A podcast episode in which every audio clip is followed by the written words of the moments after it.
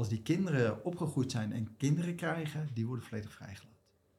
Die zullen opgroeien vanuit minimalisme, niet hoeven te eten, niet hoeven te drinken. En daar, daar vindt de shift plaats, samen met allerlei andere dingen die daar samenvallen.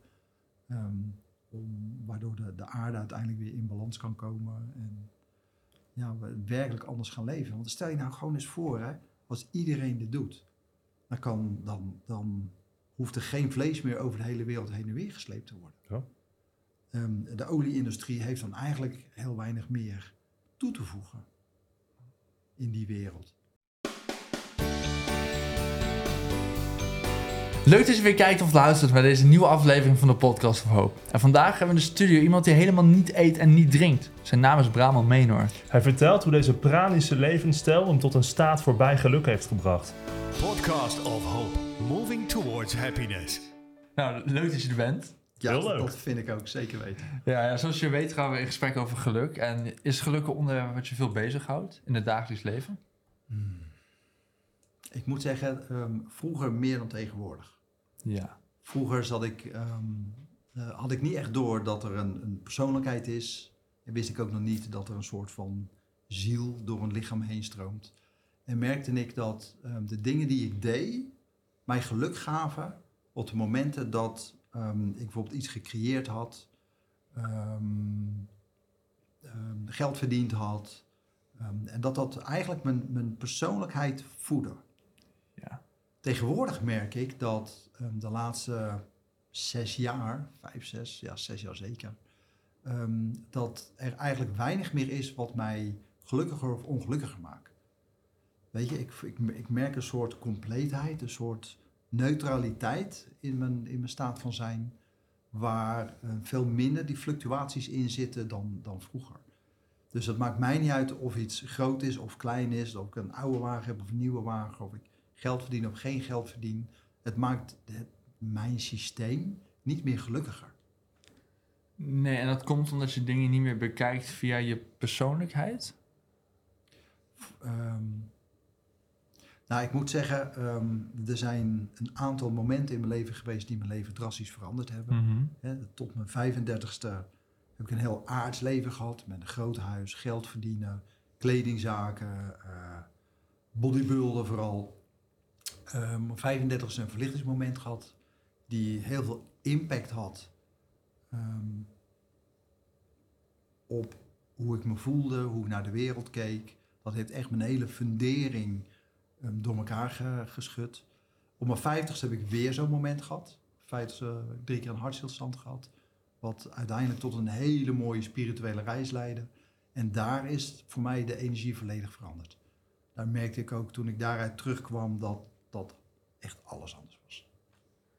En sinds dat punt hou je je dus niet echt meer bezig met geluk. Nee. En dat, is omdat je gelukkig bent nu? Nou, ik kreeg geen up en down meer. Ik denk dat we geluk alleen maar kunnen ervaren als we omhoog gaan en ook weer omlaag. Ja, het staat Er is, in geen donker zonder, er is geen donker zonder licht. Ja, exact. Maar hou je daarmee niet een beetje de fun uit het leven? Ehm, ja, daar heb je zeker wel een punt. Ja, Het maakt het leven neutraler, het maakt het saaier. ja. Ehm desalniettemin in de Minder dingen... vervelend ook. Nou, nee. Ik haal, ik, ik haal een hele andere voldoening uit de dingen die ik mag doen. Mm, En voldoening is voor mij geen geluk. Oké, Het voedt, het voedt, hè, dat is dat, wat ik doe, men, met mensen verbinden, mensen helpen transformeren naar Planet Living. Mhm. Ehm, als ik dat mag doen met mensen of het delen, hè, met groepen, met jullie, met welke vorm dan ook, dan, dan ehm, stroomt er een soort voldoening naar me toe, waar ik me heel fijn bij voel. Maar dat is heel anders dan geluk. De ervaring Ja. die ik had met geluk voelt heel anders aan dan wat ik nu voel als ik met groepen bezig mag zijn of dit, dit mag doen. En hoe noem je dat dan? Of is er gewoon geen naam voor? Oké, Ik- Puur, ik, ik noem het meer puur, puur voldoening. voldoen. Ja. Ik ga Puur niet voldoening. omhoog of omlaag, maar ik voel wel dat mijn hele systeem dit gewoon fijner vindt. Ja, dat vind ik wel gek dat je dus inderdaad Ja. niet om, meer omhoog en omlaag... eh, Ja, Is- is waarschijnlijk is het ook gewoon iets wat je ervaren moet hebben, Ja, of zo, nee, om het te precies. begrijpen. Ja. Ja, Maar is er niets, er kan in principe met jou niets gebeuren wat jou weer, wat jou omlaag krijgt? Als in de, de dingen, als het ware de shit die, die in de, ik weet niet of ik dat de externe wereld moet noemen. Mhm. ja, ja, ja, ja. Maar in die externe wereld is er niets wat ervoor kan zorgen dat jij, eh, dat jij je slecht voelt. Ehm, niet in de vorm waarin ik het vroeger had. Vroeger kon ik kon omhoog en omlaag gaan. Ja. Tegenwoordig voelt het, voelt als een soort, ehm, voor mij, hmm, alsof er een soort ontkoppeling is tussen wat er in het lichaam gebeurt. We hebben allemaal triggers. Mhm. Als er een trigger komt en er, komt, er, komt een, er zit een emotie op, heeft dat geen impact meer op hoe ik me voel. Ehm, ja, en waarom? Dat, dat laat ik maar los. Begrijp je? Ik voel wel Ja. dat het lichaam getriggerd kan worden. Ik, ik, mijn brein reageert daar nauwelijks meer op. Ik kan het laten waar het is. Dus het, het is waar het is. Ehm, maar het brengt me niet omhoog, maar het brengt me ook niet meer omlaag. Ja, dus je hebt een bepaalde afstand genomen van, van dat wat er gebeurt. Ja. En dat gebeurt hier en daar. Uiteindelijk is het trigger en emotie. Trigger en emotie. Trigger en emotie. De, de, Dat- de, zeg, de trigger is het moment waarop iets binnenkomt. Hè, wat Mhm. we heel veel... Dat is een oude herinnering. Waar we de- de honderdduizend keren per dag geraakt worden. Ja. Er zit een emotie op. Dat kan, als negatief is, boosheid, verdriet, angst zijn. Of juist geluk van, oh, het, het, het smaakt lekker, het ruikt lekker. Ja. Dat zijn de positieve ehm, emoties. En daar reageren we op. En ik merk, de, de, de positieve emoties zijn er. Die, die zitten wel in het lichaam. Maar het bepaalt niet mijn staat van zijn. En de negatieve ook niet meer. ja. Begrijp je? Ja, misschien, ik- begrijp- moeilijk te begrijpen. Ja, ik begrijp maar, precies wat je bedoelt. Ik, ik, ik kan me niet echt voorstellen hoe dat is. Nee, ik ook niet. Maar Nou, ik moet wel zeggen, het, het, is, het, het is echt gekoppeld aan de ervaring van de laatste vijf jaar. Ja. Eh, Ik kan terugdenken aan ehm, eh, de honden die ik gehad heb. Daar kan ik nog steeds wel de liefde voelen van toen. Mhm. Dan kan ik ook nog wel voelen hoe ik me toen voelde met de up. Of het verliefd worden op, op een partner of iemand ontmoeten. Ik kan dat nog ervaren, maar niet meer nu. ja. Dus wat er nu gebeurt, staat helemaal los voor mij van ehm, de eerste 50 jaar. Als het ware, je hebt als het ware een soort afstand genomen van de wereld of zo. En dat heeft dan geen invloed meer op je op die manier?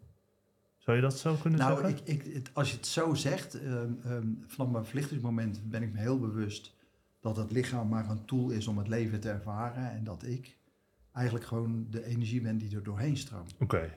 Hoe meer je dat gaat ervaren, hoe meer je merkt dat ehm, zeg, je ziel niks nodig heeft. Mhm.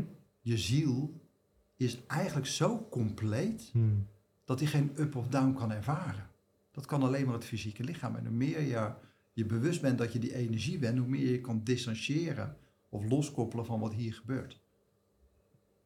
Ja. Ja, Begrijp je? ik begrijp het, ja. Denk ik, in ieder Ja, je geval. hebt een soort hoger bewustzijn. En je kijkt nu eigenlijk vanuit dat hoger bewustzijn naar wat hier gebeurt. Je Ja. observeert meer, ehm, ook al ben je verbonden met het lichaam, wat er in het lichaam gebeurt. En, en welke waarde heeft alles nog wat hier dan nu gebeurt?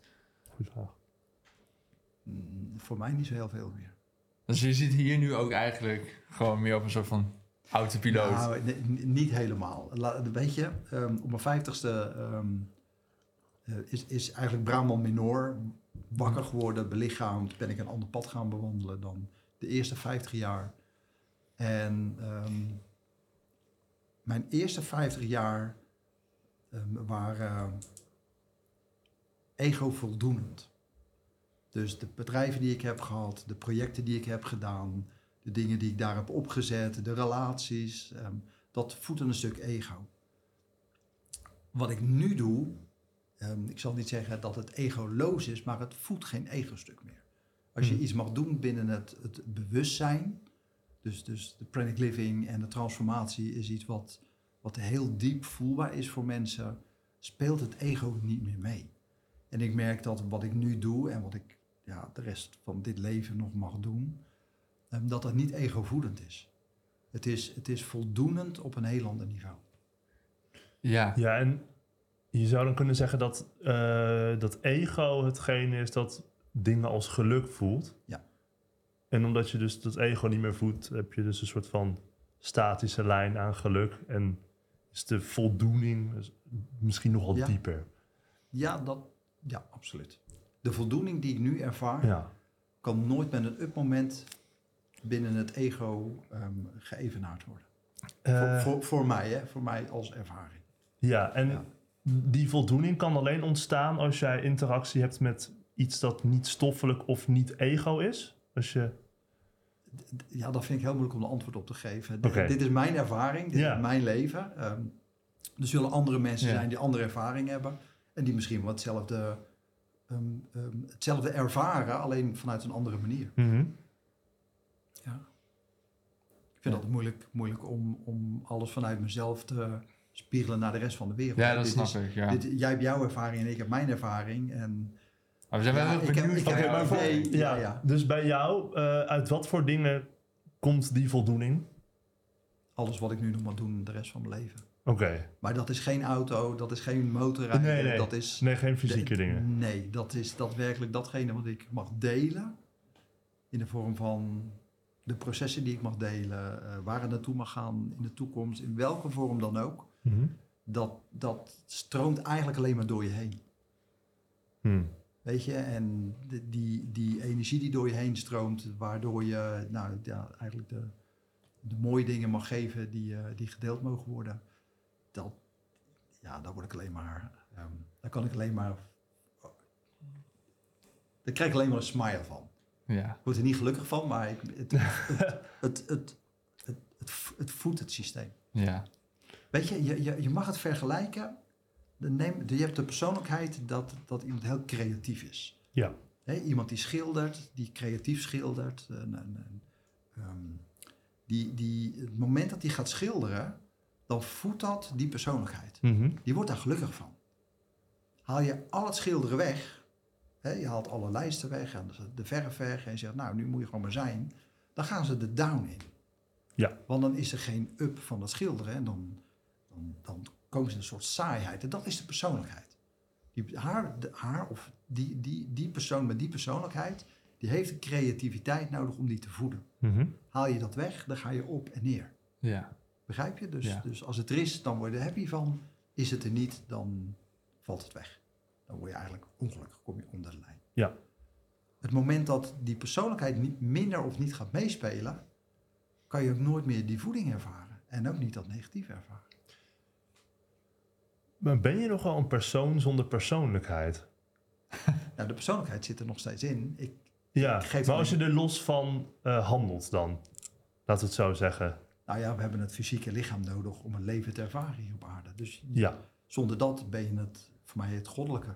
En hè, waar nog honderdduizend, ehm, ik wil zeggen boeken binnen zitten, maar niet zielen voor mij, maar boeken, eh, waar we eigenlijk één zijn. Mhm. Maar daar is geen ervaring. Eh, het, het lichaam zit eigenlijk onze connectie met het goddelijke Ja. in de weg. Eh, nee, is misschien eerder een brug. het, liggen, het goddelijke kan je alleen maar ervaren vanuit het fysieke. Ja, want ervaring is fysiek. De erv- ja, Ja. je hebt het lichaam nodig om te ervaren. Hè? We maken van een idee Oh ja, ik snap hem. Ja. maken we het een, een, een ervaring. Hmm. Je weet, je, het idee hoe het is om een kind te krijgen, weet je pas. Als je kind gekregen hebt, dan heb je een ervaring. Anders Ja. blijft het een idee. En de ervaring is altijd anders dan het idee. Altijd. Ja. Ja. En dat geldt ook als je hem eerst vanuit het, vanuit het collectief verbindt met een lichaam, een baby of een, een, een, een eerste cel. Mhm. Dat wordt een, dat wordt een baby, kind wordt geboren. Ineens is daar die, die deconnectie. Weet je niet meer dat je dat goddelijke bent. Dan zit je eh, verbonden aan een menselijk lichaampje. Ehm, en dan, dan ga je het leven ervaren. Mhm. Dan ga je het pad bewandelen. En ergens ehm, kan je een moment krijgen waarop je weer ehm, terugkomt in die connectie. Voor mij was het een verlichtingsmoment. En het is altijd een moment van verlichting, hoe je het ook wil noemen, maar het is altijd een heel beladen woord. Het moment dat je zo'n ervaring hebt, hoef je er eigenlijk ehm, niet steeds weer naartoe. Want weet je diep van binnen dat jij niet alleen dit bent, maar ook juist die energie waarmee je verbonden bent. De herinnering zit dan zo in je dat je, dat je het weet. En je het niet altijd hoeft te ervaren. Maar wat je dan beschrijft is eigenlijk de dood.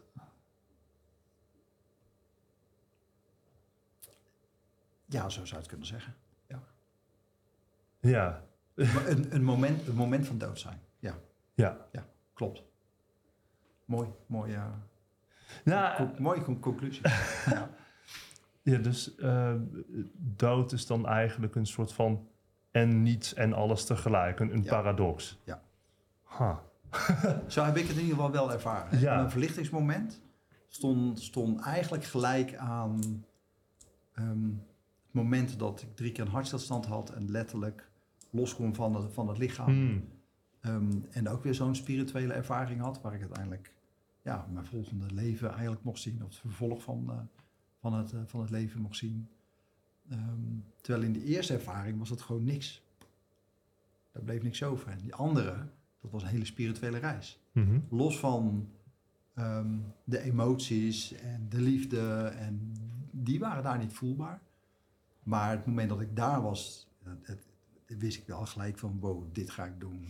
Dit is de rest van mijn leven. Zoveel mensen mag ik gaan helpen. En is de energie veranderd. En het moment dat ik terugkwam, was er een hele duidelijke shift en verandering in, in dit lichaam.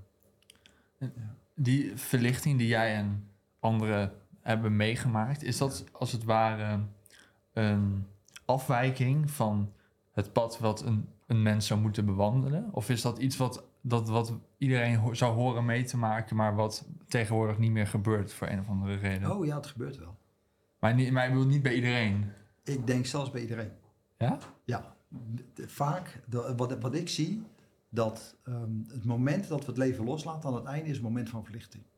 Ja. Dus iedereen maakt er mee, alleen de een later dan de ander. Oké, ja. Dus, Ja, dus boeddhisten zeggen wel- dat ook toch? Dat de dood eigenlijk het moment van de verlichting is. Uiteindelijk wel, maar Ja. daar, daar overstijg je eigenlijk, eigenlijk het lichaam weer. En kom je eigenlijk weer thuis in datgene wat je altijd bent en waar je ook altijd bent. Ja, oké. En dus het feit dat, dat, dat jij en, en bepaalde anderen het eerder hebben meegemaakt, dat is gewoon dat mooi Je zou meegenomen. haast zeggen, at random. En Ik, me- ik, als ik naar mijn leven kijk, had dat echt een, een doel.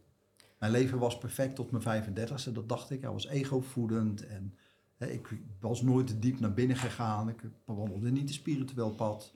En ergens kwam er een moment, en ik noem dat waarin er eigenlijk in jouw boek staat van, en nu mag je wakker worden. Ja. Het was voor mij ook een moment waarin, ehm, zonder dat ik het wist, er iets veranderde in de energie. De, de verandering was hier en ik had het gevoel dat ik soort van in die energie van die verandering stapte. En het mooie was, ehm, het was een van de weinige keren waar ehm, er een gesprek ontstond. Dat is me zo bijgebleven.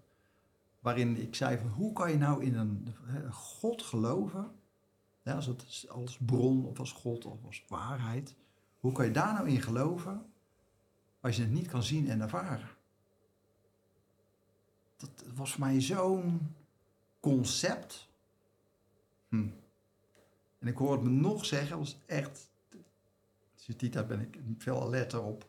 Let op wat je zegt. en ik zei toen, want als er een God is, ja. Dan moet hij letterlijk. En hij wil dat ik daarin ga geloven, dan moet hij letterlijk voor me staan en zeggen: Ding dong, hier ben ik. ja. Nou, dat had ik beter niet kunnen zeggen. Twee weken later, nou echt. Ding dong. twee weken later zit ik bij een, een, een gezin. Ik deed nog een, naast mijn kledingzaken een netwerkmarketingbedrijf opzetten. Een soort Herbalife, alleen dan een ander uit Amerika. En we zitten daar een, ehm, een, een, een, ehm, kennis maken met ehm, ouders en dochter van, van 16. En dan, ik zit met die dochter te praten en een Amerikaanse trainster die erbij was, zit met die ouders dit bedrijf uit te leggen. En ehm, het was op een doordeweekse dag in Middelburg. En die dochter die studeerde dansacademie in Amsterdam. En een van de eerste vragen was van waarom ben je deze week hier? Want het was niet een vakantieweek of... En ze zegt, nou ik had zo het gevoel dat ik thuis moest zijn en als ik dat zo sterk voel, dan volg ik dat. Mhm. En toen had ik nog zo'n brein wat dacht van koekoek. Ja, ik eh, ik heb ook wel eens het gevoel dat ik eh, iets anders wil doen. maar goed. Gevoel, denk dan Ja, gewoon eens na. Blijf even, ja, ja, denk even na. Ga gewoon, eh, maar goed. En we raken aan het, aan het, aan, in gesprek over haar studie. Ik zeg, wat, wat, wat, wat wil je doen met, die, met, die, met dat dansen? Wat wil, je, wat wil je ermee bereiken? Ze zegt, nou dat maakt me niet uit. Want als ik dans, dan, dan deel ik een soort Christusenergie. En ze kwam uit een christelijk gezin, maar Mhm. dan deel ik een soort energie en dan raak ik mensen mee. Ja, dat is mooi. Ja, dus ze kijkt me aan en ze zegt, "Hmm, je zegt het wel, maar je voelt het niet. Dat was nog zo'n opgepopte, opgepompte 135 kilo. Geen traan gelaten, emoties eh, op slot lekker. Oh, dat, dat doe je niet. En terwijl ze dat zegt, dan voel je, wow, hier gebeurt wat. Het is niet een meisje van 16 die zulke wijze woorden zegt. Dat was 30 jaar geleden. Mhm. 25. En we gaan verder in het gesprek en weer zegt ze... Ah, je zegt het wel, maar je voelt het niet. Zo, en ik, ik voelde echt die zin de energie wow, wat gebeurt hier? Hè, je hebt wel eens zo'n moment waarin je een soort duizel wordt. En denk, ik ben even niet hier. Dat is een soort van even achter jezelf hangen. En zeg ik, laat het je zien. En ze loopt naar, eh, naar een oud beeldbuis-tv'tje in de hoek van de kamer. Doet het tv'tje aan. Ehm, doet een videorecorder aan, pakt ons hele grote band, stopt zo'n band erin. Hm. Ja. En drukt op play.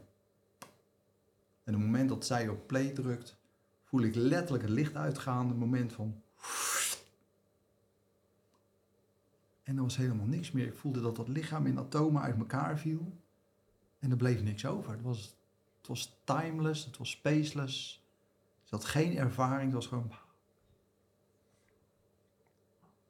En uiteindelijk kwam ik terug, voelde ik dat dat lichaam weer een soort van in elkaar kwam. En kwam ik terug en van dat moment kon ik alleen maar huilen. Ik had geen idee wat er gebeurd was. En ik heb daar gezeten, ogen dicht, er rolde alleen maar tranen. En ik voelde echt van binnen wat ik nog nooit had gevoeld van wow. Dit was echt een goddelijke ervaring. En ik was echt niet op zoek naar een spiritueel pad. Want mijn leven, dacht ik, was perfect. En ehm, het bijzondere was dat het moment dat ik mijn ogen opende, ehm, zie ik een aantal mensen zitten. Ik zie een engel staan. Ik zie een overleden opa staan. Ik zie een alien door de kamer rennen. En ik had geen idee wat daar gebeurde. Ik voelde van alles. Nou, uiteindelijk waren alle spirituele kanalen opengezet. Helder ruiken, proeven, weten, zien, horen. En ik had geen idee. Ik had stemmetjes in mijn, in mijn, in mijn oor. En er zaten beelden, allemaal beelden flopten er voorbij tussen, tussen ons in. Dus ik ben uiteindelijk naar huis gegaan en ik heb een half jaar als een soort zombie over deze aarde rondgelopen, niet wetende wat er gebeurde. Aan de andere kant een waanzinnige tijd. Mhm. Weet je, het was een tijd van wakker worden, een tijd van, van synchroniteit, waar de meest mooie boodschappen doorkwamen. Alles resoneerde. Was een- uiteindelijk liep ik ergens op straat. En er komt iemand naar, naar me toe. En die zegt, meneer, mag ik wat tegen je zeggen? Ik zeg, tuurlijk. Hij zegt, God klopt op je deur en de hendel zit aan de binnenkant. Dat soort dingen. Dat ik dacht, wow, wat, wat gebeurt hier? Als ik een boek pakte, dan stond daar iets goddelijk in. Als ik Mhm. de muziek aanzette, dan hoorde ik het goddelijke in de woorden van André Hazes. Weet je, alles raakte, alles Ja. kwam binnen. Ik dacht, wat gebeurt hier allemaal? Nou, na een half jaar ehm, bij de, de, de, de ene teacher die voorbij kwam en een andere teacher. En iedereen vulde een stukje in. Begon, begon ik te begrijpen wat er was gebeurd. En ja, heb ik alles losgelaten uit dat oude, oude leven. Bodybuilder paste niet meer. Groot huis was, paste niet meer verkocht. Kledingzaken gesloten. Ben ik gaan zoeken naar, ja, en wat nu? Wat, wat wil ik? Ik voelde me geroepen om een soort kerk neer te zetten zonder naam. Om alleen maar te roepen, er is een God en Ja, hij, hij, hij wil je wat vertellen. Prachtig. dat, Ja. dat moment eh, dat je dan inderdaad met die atomen uit elkaar sprong eigenlijk. Ehm, en je kwam weer terug. Vo- Vond je het jammer dat je uit die staat kwam? Nee, heb ik niet zo ervaren. Want juist dat half jaar daarna Was, ja. was voor mij eigenlijk het meest chaotische en, en onverklaarbare, maar ook een heel spiritueel pad. Hmm. Weet je, ik, ik heb maanden nagenoeg niet geslapen toen. En heel die nachten stond er een, een, een, een aardengel aan mijn bed. Alleen maar dingen te vertellen. en dat heb ik nooit meer gestopt. Dat, is nog steeds zo. Hmm. Um, en ze, ze, ze, wisselen. En in dat moment wat, vond ik het heel bijzonder. Wat ik hoorde, wat ik te horen kreeg. Kan ik me Alle voorstellen, ja. concepten die ik, die ik dacht werden, werden onderuit getrokken, werden anders verklaard, werden vereenvoudigd. En Want wat voor soort dingen vertelden vertelden ze dan? Of, een van de eerste, de, eerst werd uitgelegd um, wat was gebeurd. Ja. Dus als je, als je uiteindelijk wakker mag worden, en ik noem het echt wakker worden, of thuis mag komen in wat je werkelijk bent, um, dan heeft dat ongelooflijk veel impact. En of je nou een verlichtingsmoment wil noemen, of thuiskomen, Mhm. of een wake-up call, maakt even niet uit. Um, dan heeft dat ongelooflijk veel impact. En dan merk je dat eigenlijk het leven dat je leeft niet meer past. Ja. Neil Donald Wallis heeft zo'n moment gehad toen hij in een tentje zat waar ineens een goddelijke stem begon te praten van hallo, je gaat wat voor me doen. Um, heel veel van heel veel mensen die zoiets hebben meegemaakt, die kunnen niet meer terug naar eigenlijk het leven wat ze leefden. kan ik me voorstellen, ja. Ja, en dat was bij mij eigenlijk ook. Aan de ene kant voelde het dat ik een perfect leven had. En aan de andere kant, als je erin wakker wordt, merk je... kleding is uiterlijk, bodybuilden is uiterlijk...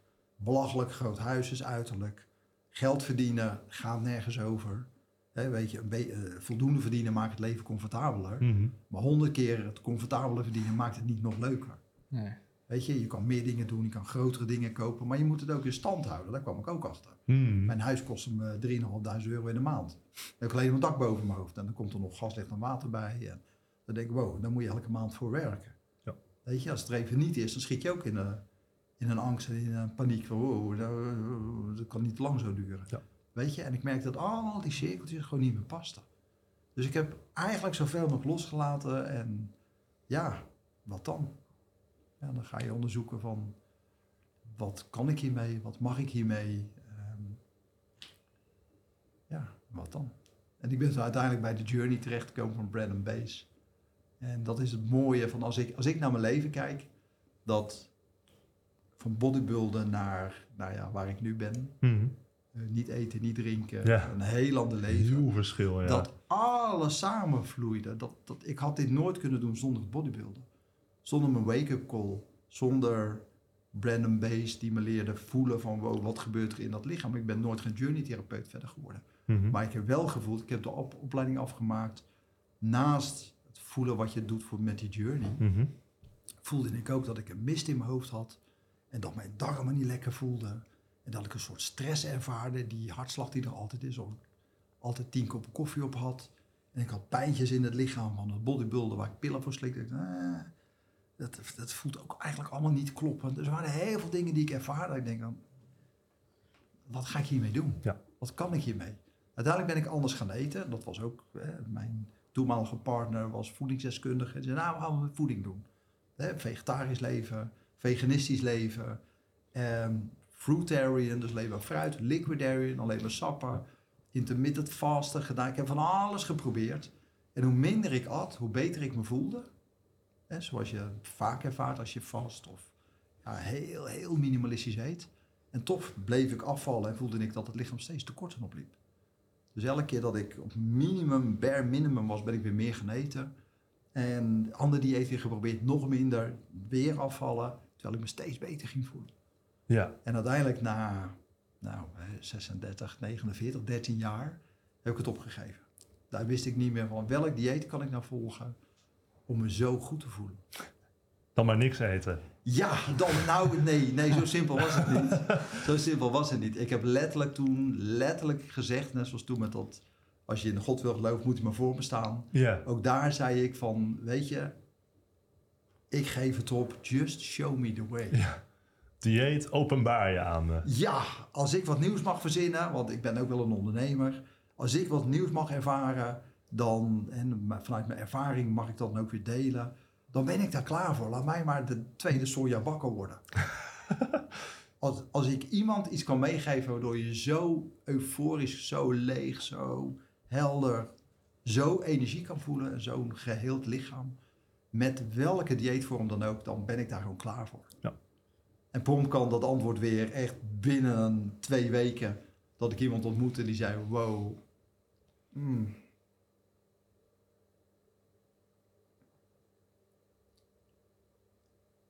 Ik heb iemand uit Spanje in huis en die heeft 16 jaar niet gegeten, niet gedronken. 16 jaar. Ja, en weer werden al mijn knoppen ingedrukt en weer voelde ik, wow, ik kon alleen maar huilen. Ik voelde het antwoord. Ik denk, wow, dit is gewoon mijn antwoord.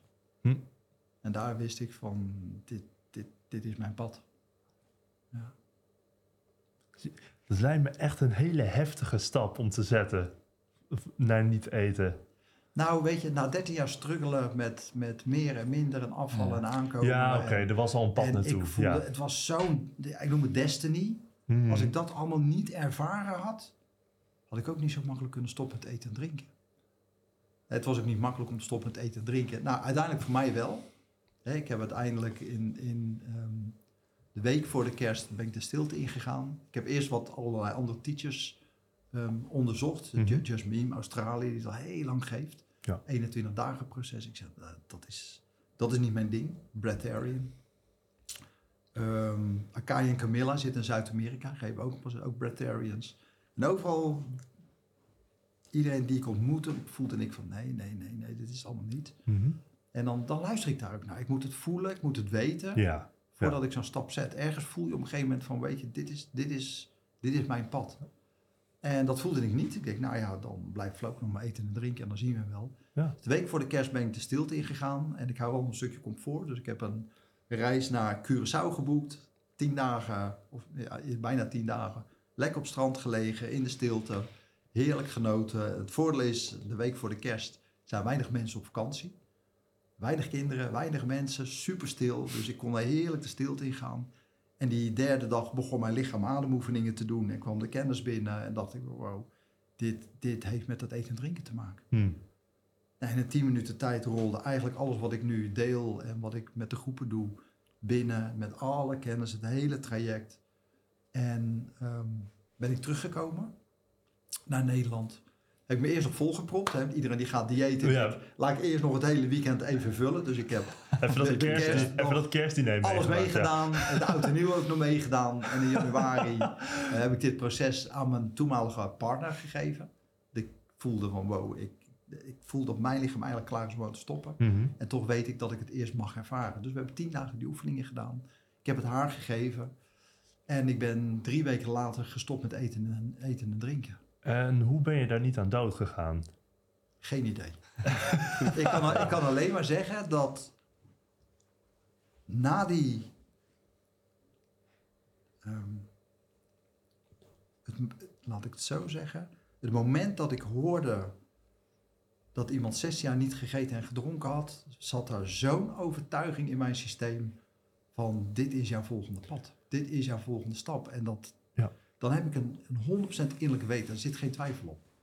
Nee, maar als je inderdaad dan iemand kent die dat 16 jaar heeft gedaan, dan weet je ook dat het kan. Ja. Ja, nou in mijn systeem werkt het zo dat, dat als ik dat zo sterk voel, dat die overtuiging genoeg is om werkelijk te stoppen. Hmm. Bij eigenlijk de mensen die ik mag helpen, ehm, is dat toch wat anders. Ehm, die hebben een, een, een transformatie nodig. En Ja. Daar zet je het lichaam aan tot verandering. En dan, dan moet je nog loskomen van het eten. Ik merk dat eten na 13 jaar gewoon niet meer resoneerde op mijn, op mijn lijf. Dat ik het gewoon niet meer nodig had. Dus eigenlijk wat ik die mensen meegeef in het jaar daarna, is wat, waar ik zelf 13 jaar over gedaan heb. Ervaren wat eten in het lichaam doet. En uiteindelijk controle nemen om te zeggen, ik heb het niet meer nodig. Ik wil dit niet meer. Eh, Ik vind het echt fascinerend, want als ik nu ook gewoon aan biochemische processen begin te Mm. denken, dan heb ik zoiets van cellen die moeten zich gewoon vernieuwen. En daar heb je gewoon vetzuren, eiwitten, et cetera voor nodig. Die dat, krijg je. dat, dat is wat we denken. Ja, ja. ja, maar daar zijn ze ook uit, uit gemaakt. Ja. Maar jij krijgt die gewoon niet binnen. Dus, dus maak je wel nieuwe cellen aan en dat soort Nou, wie dingen. zegt dat ik het niet binnenkrijg dan?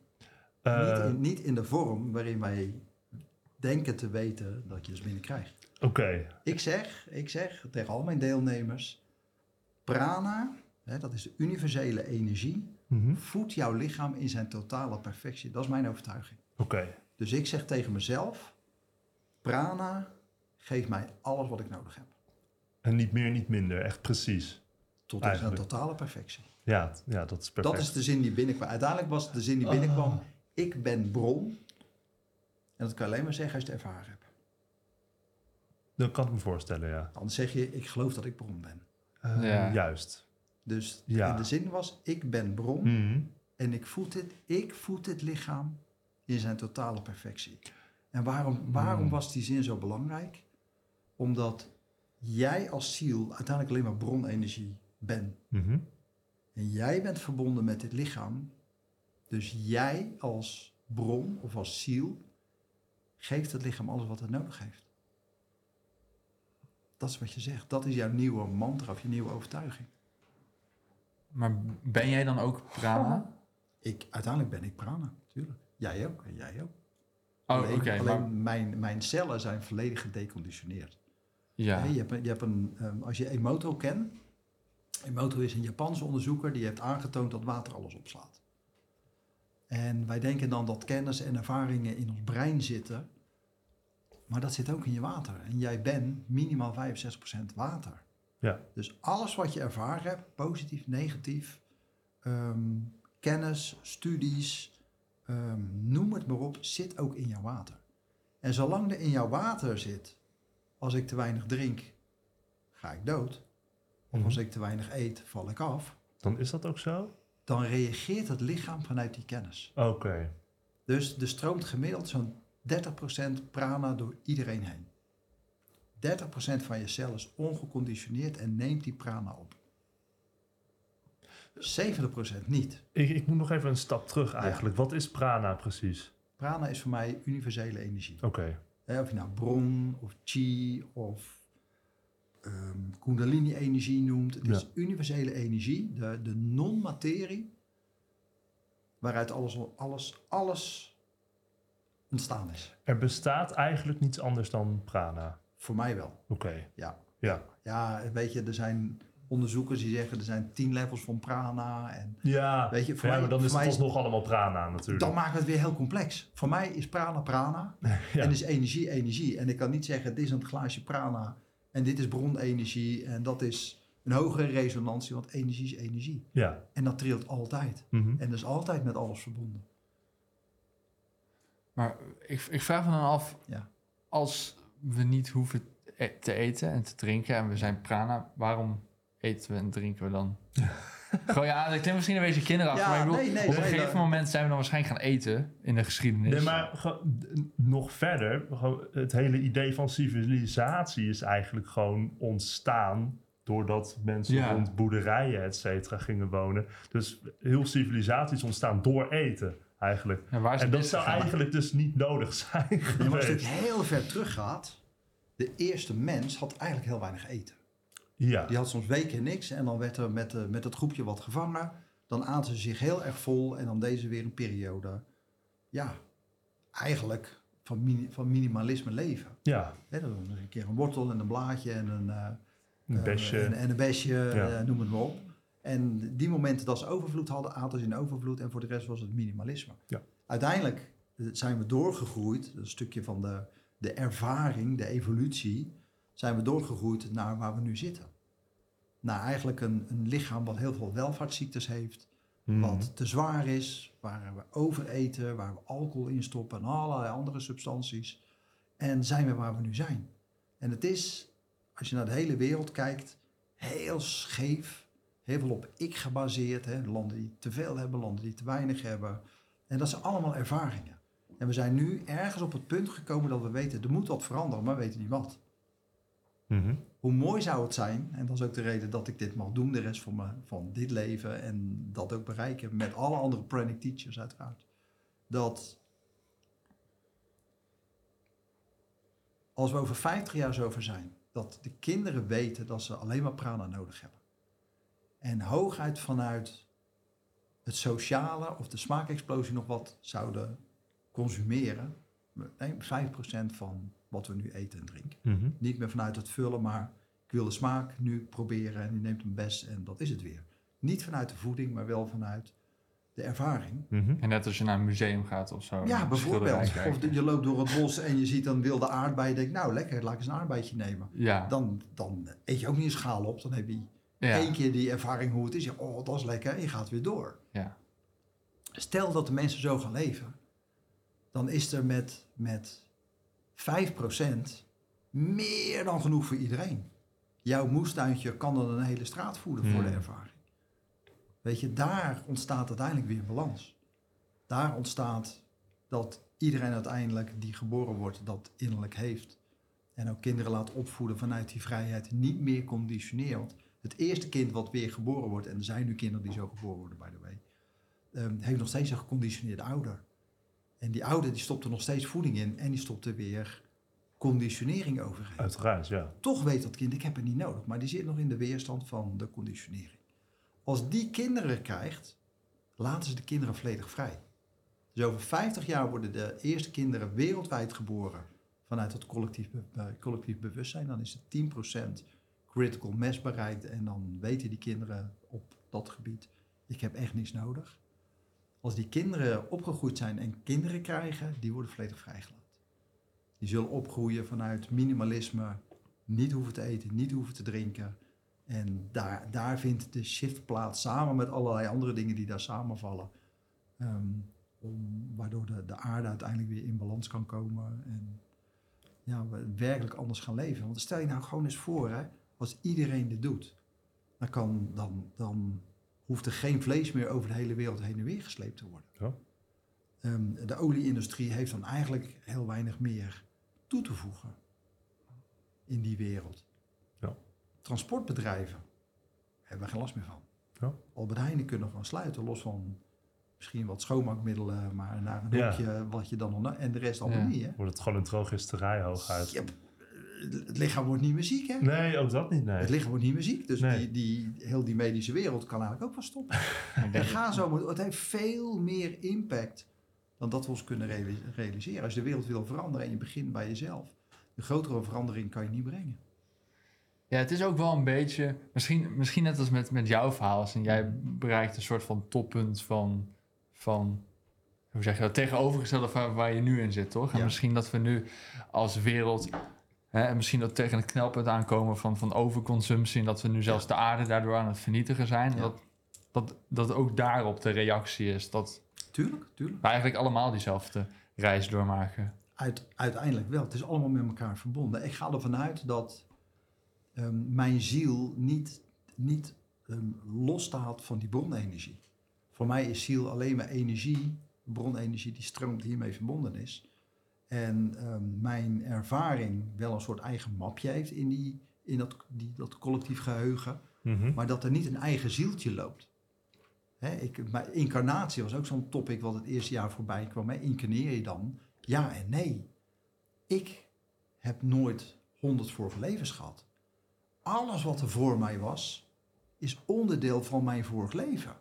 Want ik ben niet een knikker in een pot met knikkers. Ik ben een druppel in de hele oceaan. Mhm. Weet je, en als ik nu een druppel uit een glas pak, die een leventje doet en ik gooi die druppel terug en ik zeg daarna pak diezelfde druppel nog maar een keer. Dat lukt niet. Waarom zou het met energie wel kunnen dan? Dus mijn ziel is ook jouw ziel en ook jouw ziel en die 300 miljoen zielen en levens die hiervoor zijn geweest, zijn onderdeel van mijn vorige leven. Het kind wat hierna geboren wordt als wij er niet meer zijn, daar zit ik en zit jij in. En zijn dat dan unieke vorige levens? Ja en nee. Mhm. Begrijp je? Dat alle concepten die ik had gelezen en had gehoord, die werden onderuit gehaald. Als je zo gaat kijken naar al die, eh, de, de, alle boeken en alle kennis, dan merk je van, weet je, eigenlijk is het veel simpeler. Ja, Ja, ik heb dat nu ook wel. Het, zijn- het, ik heb sowieso wel. Ik denk dat, dat zo'n gesprek is wel een gesprek waar je lang over na gaat denken. Ja. Wat je even moet laten bezinken en wat je er nou echt van vindt. Want inderdaad, heel veel wordt afgebroken waar je. Waar, wat je eigenlijk je hele leven voor waar hebt Ja. genomen. maar eigenlijk zou je er niet echt over na moeten denken misschien. Ja, weet je, Ja, eigenlijk kan je het alleen maar herkennen. Ja. hè? Ja. Ja, het, het mooie is altijd, hè, er zijn heel veel dingen die we zeggen of die we schrijven, zonder eigenlijk te realiseren wat. Hè. We zeggen heel makkelijk, we zijn de druppel uit de oceaan met de hele oceaan in die druppel. Oké, ja. Dat is toch eigenlijk precies wat ik zeg? Dus alles wat hiervoor was, zit in mij. Ja, Hoe kan ik dan denken dat er een ik is aan de andere kant die iedere keer terugkomt om te moeten leren of beter te moeten worden? Het collectief groeit. Mhm. Ik hoef niet te groeien. Ik is alleen maar dit, dit lichaam. Maar mijn ziel is geen ik. Mijn ziel is alleen maar vrije energie die ook jouw energie is en uiteindelijk overal mee verbonden is. Eh, waarom is deze kennis over prana eigenlijk alleen naar jouw ziel doorgegeven en niet bijvoorbeeld ook naar die van mij? Ja, misschien nu via jou naar mij, dat, dat zou kunnen. In de vorm van kennis, ja. Ja, ja. Voor mij is het geen kennis. Voor mij is het ehm, een energie die ehm, uiteindelijk in een soort van download binnenkomt. Die, ver- die verbonden is met de persoon die hem ontvangt. Dus de, de belichaming van dit proces, dat zit in mijn lichaam. oké. En ik hoor ook nog niet dat ik dat kan delen. Oh, Ehm, anders had ik al teacher trainingen gegeven. Maar ik hoor gewoon nog niet dat het tijd is om dit te kunnen delen. nee, maar die gedownloade energie is, laat me zeggen, specifiek aan jouw lichaam. Om dit proces te mogen delen, ja. Oké. Ja. Ja. Oké. Als ik had gehoord dat ik, dat ik ehm, simpeler meer mensen mocht bereiken door duizend trainers te gaan trainen om dit te gaan belichamen te en te kunnen geven, Mhm. dan had ik dat wel gedaan. Ja, maar dat was ik- gewoon niet jouw pad. Blijkbaar is er nu nog niet de tijd. Nee, precies. Daar geloof ik in. Dat, dat, dat voel ik. En ik, ik zie het. Er zijn meer mensen die hem gedaan hebben en uiteindelijk eh, geprobeerd om met wat groepen mensen te helpen transformeren. En Mhm. dat is de fout gegaan. Ja, of dat, nog steeds mooie processen, want al die ademoefeningen die erin zitten blijven hele mooie processen. Het ruimt op, het, het geeft verlichting op, Mhm. op emotioneel en traumatisch niveau. Ja, de meeste trauma-healers doen ook ademwerk en ademsessies, omdat het gewoon hele goede methodieken zijn. Ja. Is het de weg naar pranic living? Dat zie ik niet. oké. Als je bij mij het proces doet, dan kan ik voelen, als ik je nu een hand geef, dan voel ik, oh je bent 36% ge- ongeconditioneerd. Oh, dat kan je echt 31%. voelen, ja? Ja, ja. En, na, en in de loop van het jaar kan ik, kan ik, als ik die mensen weer aanraak, weer voelen van, oh je zit op 80%, op 100%, je bent klaar. En al mijn mensen komen op 100%. Hmm. Mensen die an- bij anderen dit gedaan hebben, daar herken ik niet deze verandering. En die worstelen nagenoeg allemaal met, met eten, niet kunnen stoppen, eh, te veel blijven afvallen. En ja, en dat zeg ik niet dat zij geen mooie processen geven. Nu. Ik zeg alleen dat ik daar ook van overtuigd ben dat iedereen die het bij mij doet, deze transformatie ondergaat. En dat werkelijk je cellen deconditioneren. Ja. Er was een dame, ehm, die kwam voor, voor personal healing. Die had, heeft, heeft botkanker gekregen, Oh. ongeneeslijk. Hmm. Droomde uiteindelijk van mij, hoorde mijn naam, is gaan googlen, heeft zich ingeschreven. Er werd een plekje vrij, vrijgemaakt doordat iemand anders niet kon en zij kon instromen. Heeft het proces gedaan en is daadwerkelijk drie maanden daarna ehm, weer terug naar het ziekenhuis gegaan. Het waren de tumoren met 25% afgenomen. Nou, Dat is echt ongelooflijk. ja, dat wist ik ook nog niet dat dit kon. Zes maanden later zat er nagenoeg niks meer in het lichaam. Het enige wat de artsen wel zagen, dat als ze naar haar bloed keken, dat ze zeiden, er, is zoveel versnelde celdeling bij jou, Ja. dat je helemaal vol zou moeten zitten. Toch konden ze niks vinden. Een bewijs dat datgene wat zij doet, leegmaken van die cellen, geeft zoveel afvalstoffen, dat dat is wat ze meten. Hmm. Bewijs dat datgene wat ze doet, werkt. Jeetje, dat is echt heel fascinerend. Ja, dat vind ik dus ook. En dan wil ik niet zeggen dat iedereen die dit doet, ehm, dat ik iedereen kan helen.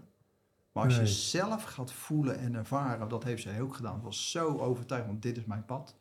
Daar zit de kracht. Hm. En dat dan in combinatie met, met wat we doen, dus het deconditioneren van je cellen, koppelen aan je celdeling, veranderen van je DNA, het leegmaken van je emotionele laag, het sluiten van je darmwand, het resetten van je immuunsysteem, dat bij elkaar zorgt voor absolute, absolute fysieke healing. Daar ben ik van overtuigd. Ja, dat kan ik me ook heel goed voorstellen, ja. Bij iedereen. Of het moet einde van je boek zijn, ja, dan. Ja, ja. Dat, dat kan ik niet tegenhouden. Nee, precies. Ja. Hey, we zitten best wel op het einde, eigenlijk over het einde van de podcast. Maar Ja. ja. we vragen altijd naar een voorwerp die onze gasten meenemen waar ze gelukkig van worden of inspiratie uit halen. Die voor jou Ja, ik, weet, ik, ik, ik snap wat het, wat het betekent, maar leg maar even uit. Ja, ik, eh, jullie vroegen het en toen dacht ik, wat ga ik meenemen?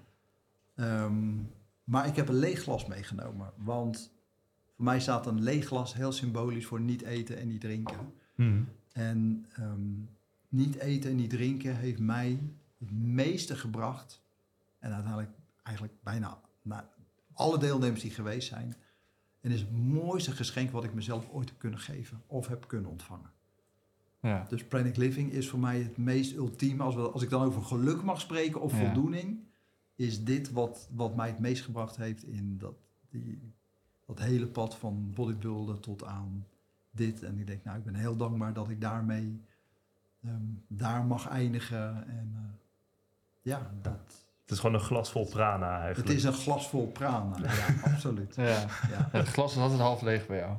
Ja, Helemaal het glas leeg. is Ja, het glas was helemaal leeg. helemaal leeg en gelijktijdig ook volledig gevuld.